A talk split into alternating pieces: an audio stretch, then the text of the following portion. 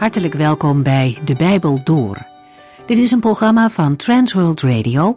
U kunt ons ook vinden op internet www.transworldradio.nl. De Bijbel Door is een radioserie die in vijf jaar tijd door de hele Bijbel gaat. Van Genesis tot Openbaring, van kaft tot kaft.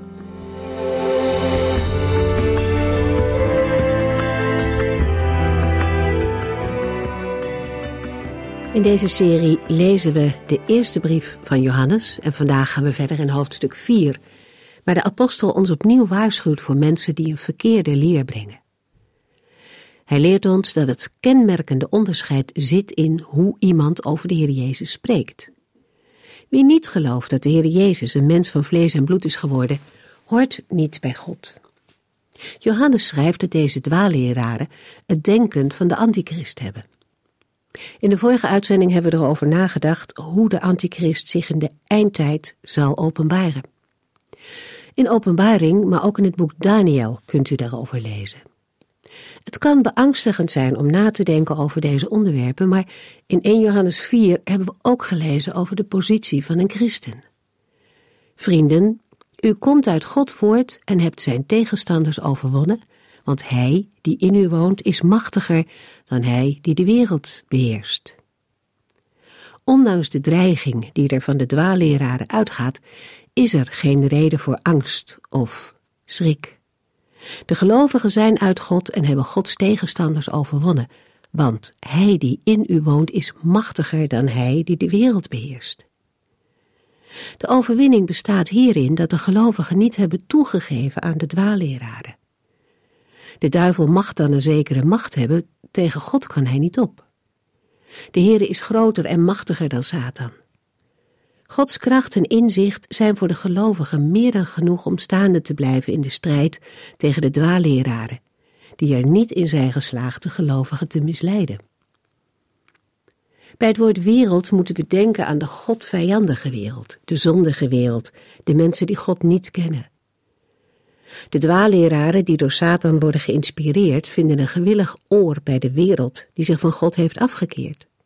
Dat komt omdat die wereld door dezelfde geest van de antichrist wordt beïnvloed als de wereld van de dwaalleraren.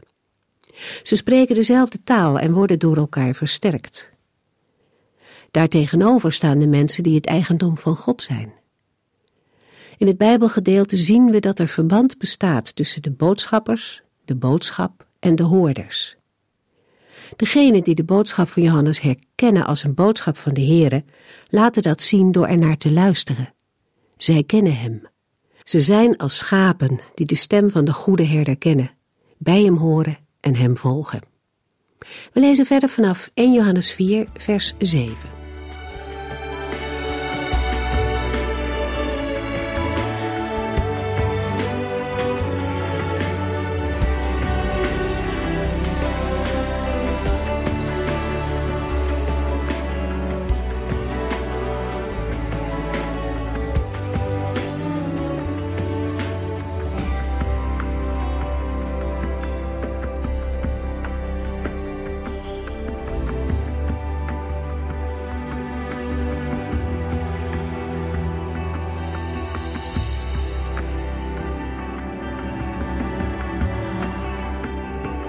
In de vorige uitzending lazen we over de liefde van God.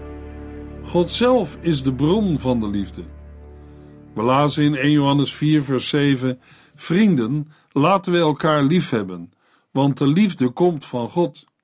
Wie lief heeft, is uit God geboren en kent God. In de vorige uitzending gaven we al aan dat Johannes het thema liefde en liefhebben al eerder heeft genoemd en uitgewerkt.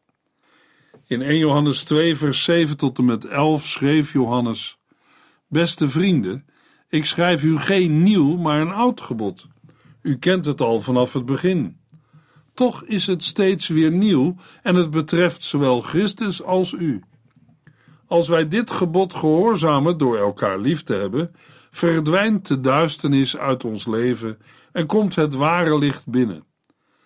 Wie beweert in dat licht te leven, maar een hekel aan zijn broeder heeft, leeft nog steeds in het donker.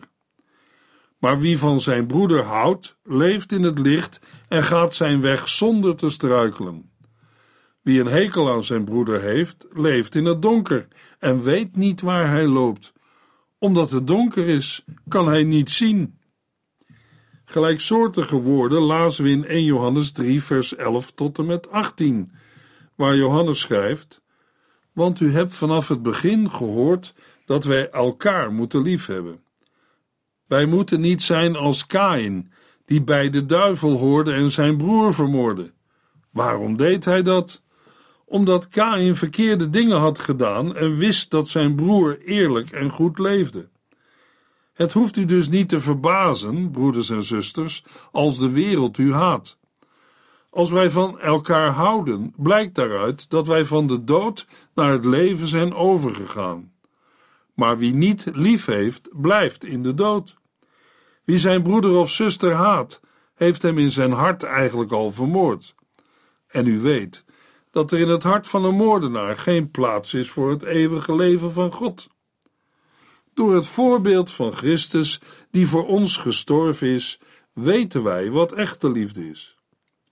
Daarom moeten ook wij ons leven opofferen voor onze broeders.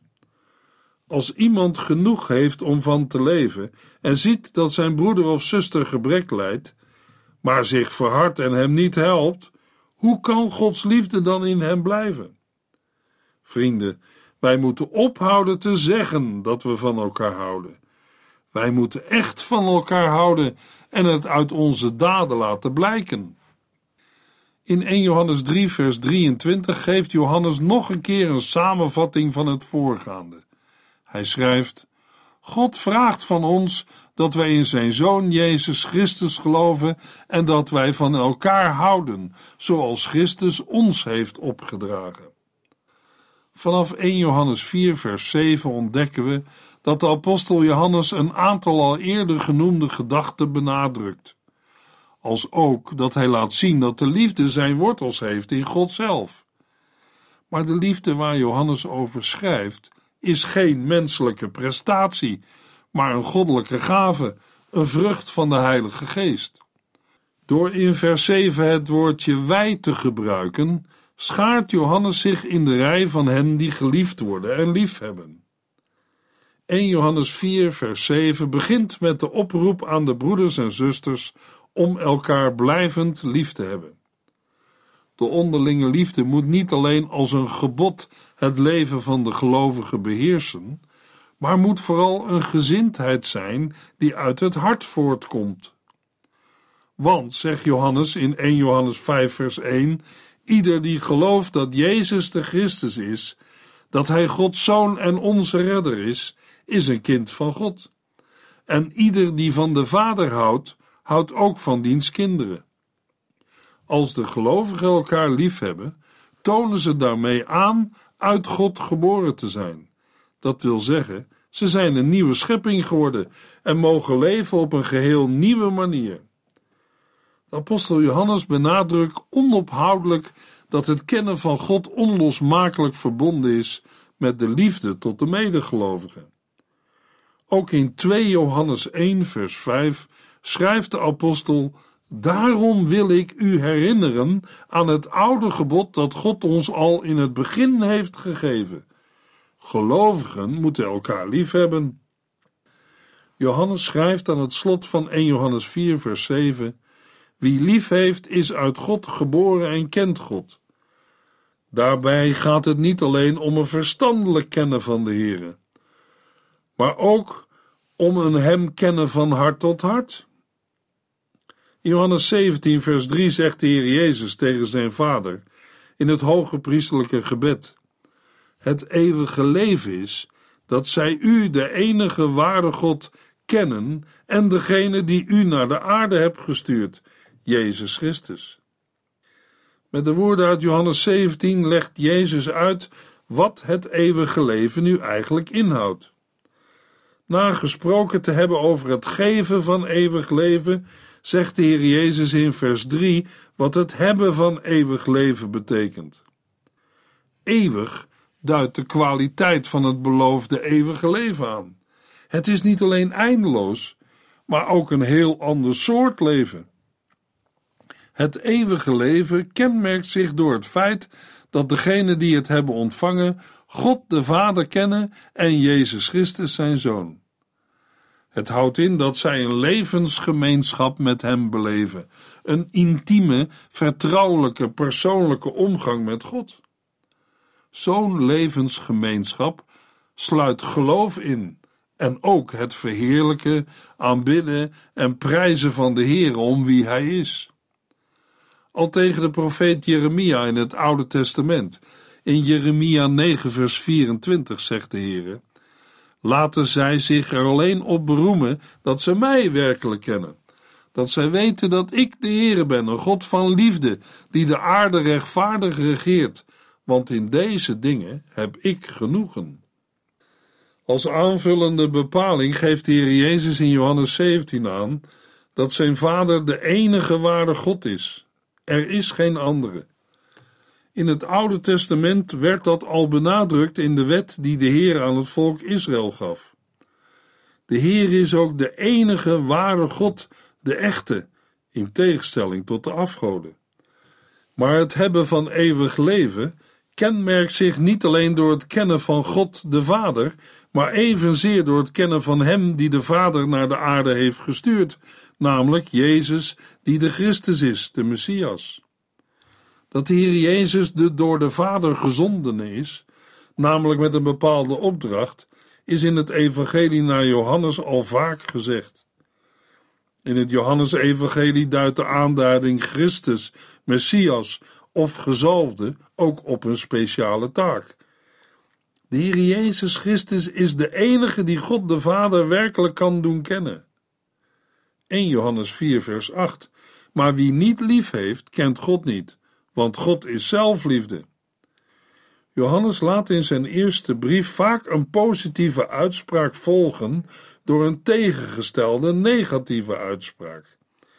Het kennen uit het vorige vers is niet alleen kennis hebben van de Here, maar ook een zo geraakt zijn dat het hele leven op het spoor van deze nieuwe ontdekte werkelijkheid wordt gezet. Wie niet lief heeft, heeft God niet leren kennen. Want de enige mogelijke reactie op het leren kennen van de levende, liefhebbende God is een leven dat meer en meer van die liefde doordrongen raakt. Liefde of liefhebben is niet een bepaalde activiteit van God. De Heere geeft niet alleen liefde, Hij is liefde. Gods hele wezen is liefde. Alles wat Hij doet of laat is uiting van Zijn liefde. Dat geldt voor Zijn scheppend handelen, Zijn regeren en onderhouden van al wat is, maar ook voor Zijn oordeel. 1 Johannes 4, vers 9.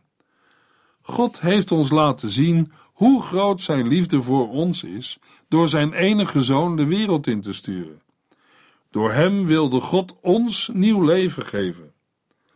De liefde waar Johannes over schrijft, is op aarde bepaald niet overvloedig aanwezig. Dat wij van deze liefde weten, komt doordat God deze liefde heeft laten zien door zijn zoon naar deze wereld te sturen met het doel om ons het echte leven te geven.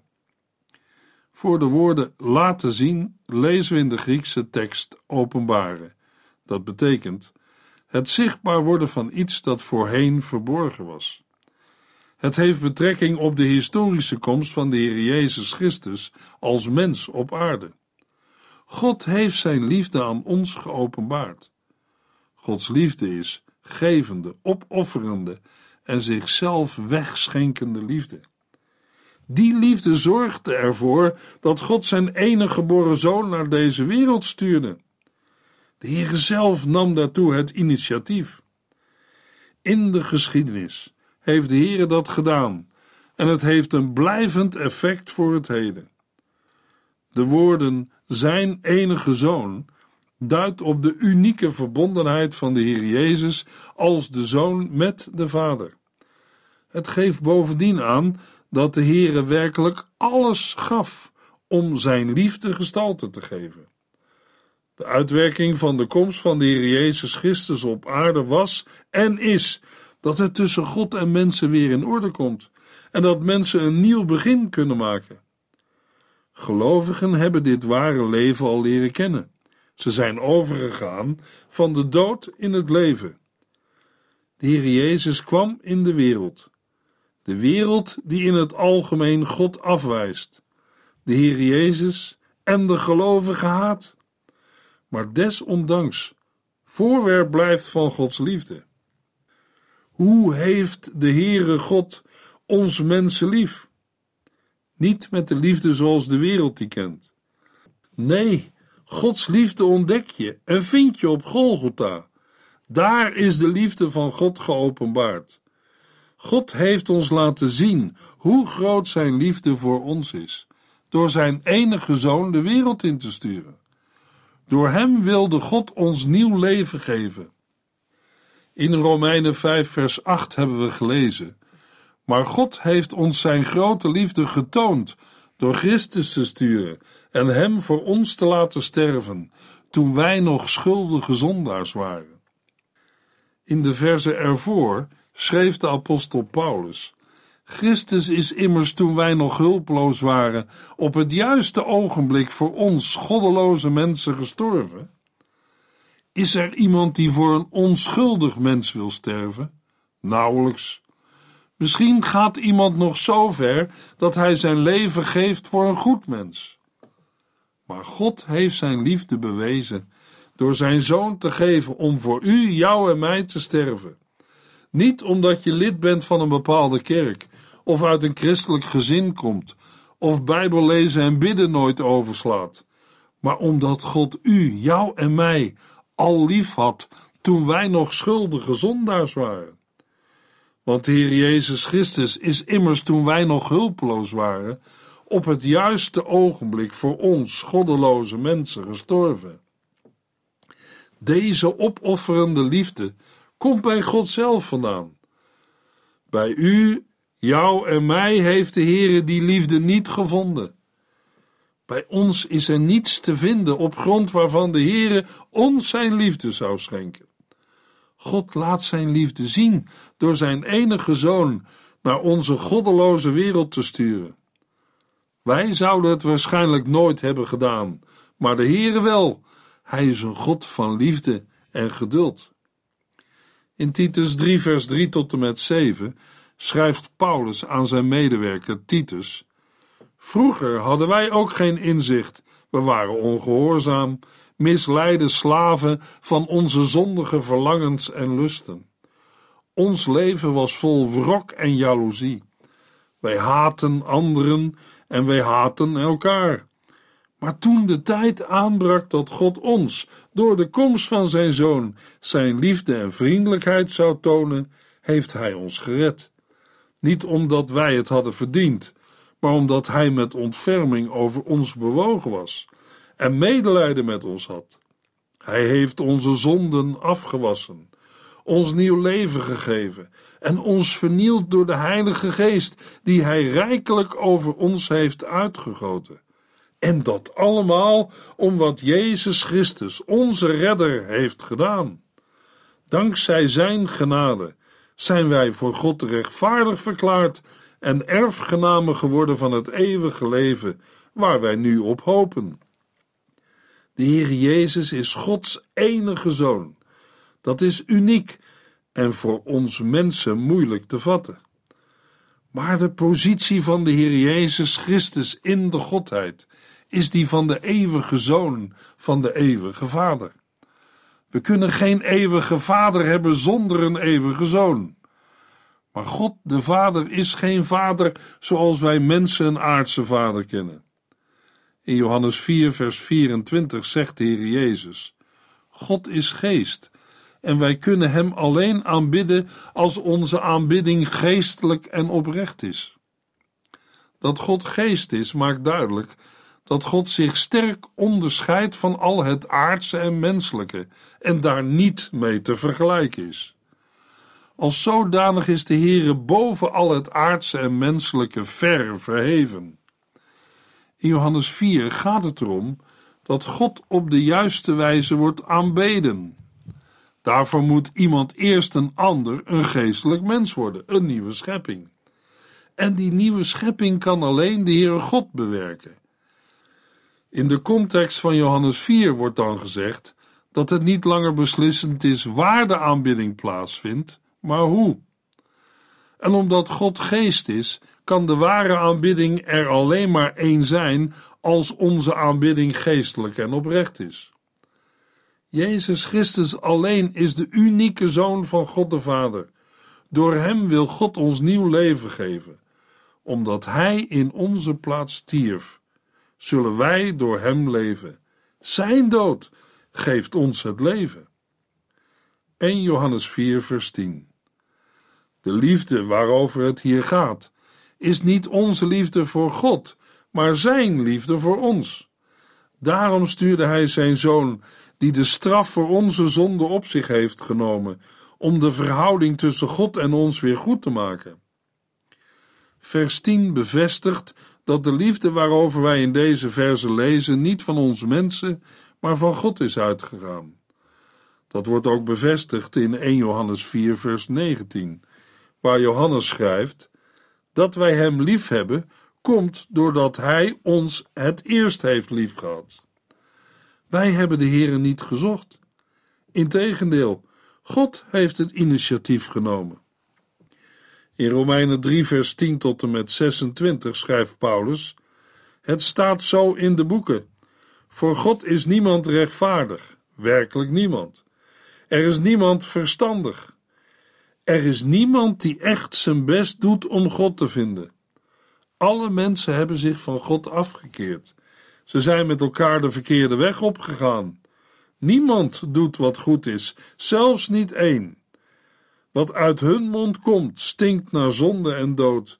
Zij gebruiken hun tong voor leugen en bedrog. Hun lippen spuwen dodelijk vergif. Hun mond is vol vervloekingen en hatelijkheden. Ze staan meteen klaar om te doden. Waar zij geweest zijn, laten zij een spoor van verwoesting en ellende achter. Zij weten niet hoe zij in vrede moeten leven. Ze hebben geen enkel ontzag voor God. Ze houden geen rekening met Hem. Het is duidelijk dat deze woorden in het bijzonder gelden voor de Joden die Gods wet hebben. Zo wordt iedereen de mond gesnoerd en gaat niemand vrij uit. De hele wereld is schuldig tegenover God. Ook al houdt men zich aan de wet, dan nog gaat men voor God niet vrij uit. Het enige wat de wet doet, is de mens bewust maken van zijn zonde. Maar nu is aan het licht gekomen dat God de mens buiten de wet om vrijspraak wil geven. Daar is in de boek al op gewezen. Deze rechtvaardigheid voor God wordt bereikt door op Jezus Christus te vertrouwen. Dit geldt voor alle mensen die in Hem geloven, wie zij ook zijn. Alle mensen hebben gezondigd en missen daardoor Gods nabijheid.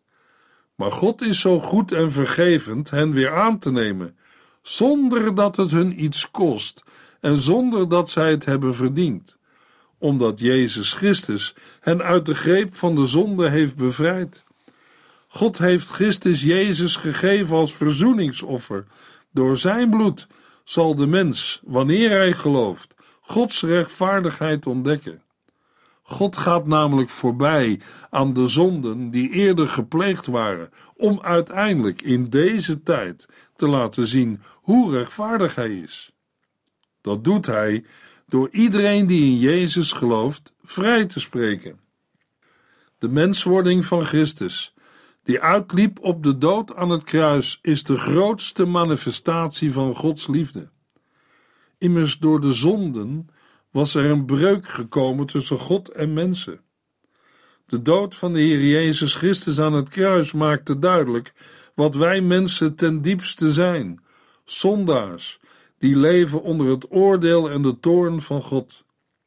Maar het sterven van Jezus Christus betekent een verzoening voor onze zonden. Daardoor is de weg tot God weer open en begaanbaar. Nergens in de Bijbel wordt de zonde afgezwakt. Zonde betekent schuld. Maar het Evangelie leert dat de Heer Jezus Christus deze schuld op zich heeft genomen. De evangelist van het Oude Testament, de profeet Jesaja, heeft het al mogen opschrijven in Jesaja 53 vers 5 en 6. Hij werd doorstoken en verbrijzeld ter wille van onze zonden. Hij werd zwaar gestraft, zodat wij vrede konden hebben. Hij werd geslagen en daardoor werden wij genezen. Wij zijn het die als schapen afdwaalden. Wij verlieten Gods paden en gingen onze eigen weg. Desondanks legde God de schuld en zonde van ons allen op hem.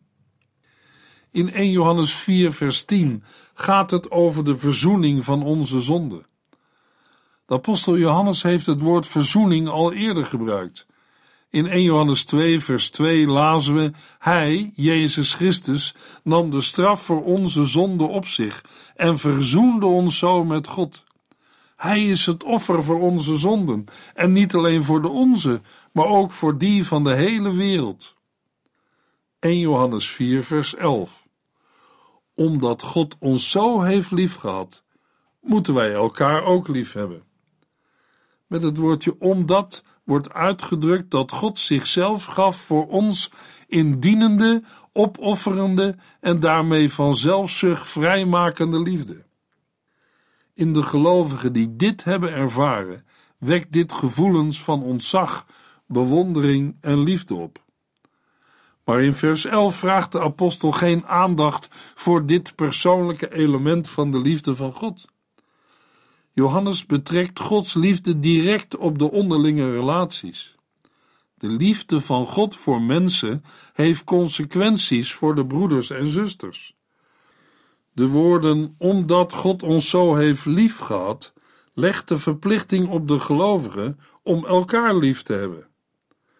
Het woordje elkaar duidt in deze brief doorlopend op de onderlinge betrekkingen binnen de gemeente.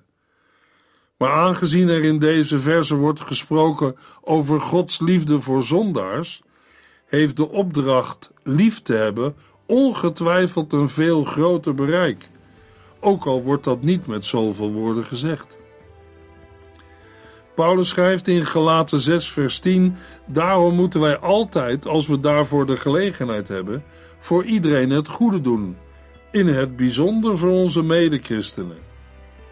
Niemand die iets gezien en geproefd heeft van Gods onmetelijke liefde, door Jezus Christus getoond aan het kruis, kan zelfzuchtig of ik-gericht verder leven. In de volgende uitzending lezen we verder in 1 Johannes 4, vers 12 tot en met 21.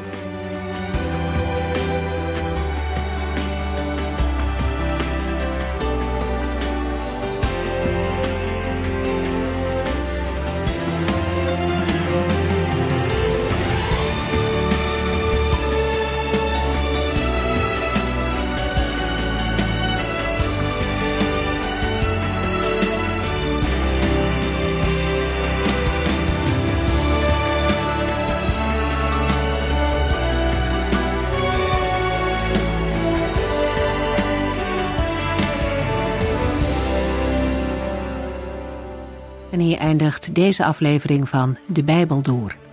Een serie programma's van Transworld Radio. Wilt u ons iets vragen of meer weten? Dan kunt u altijd contact met ons opnemen.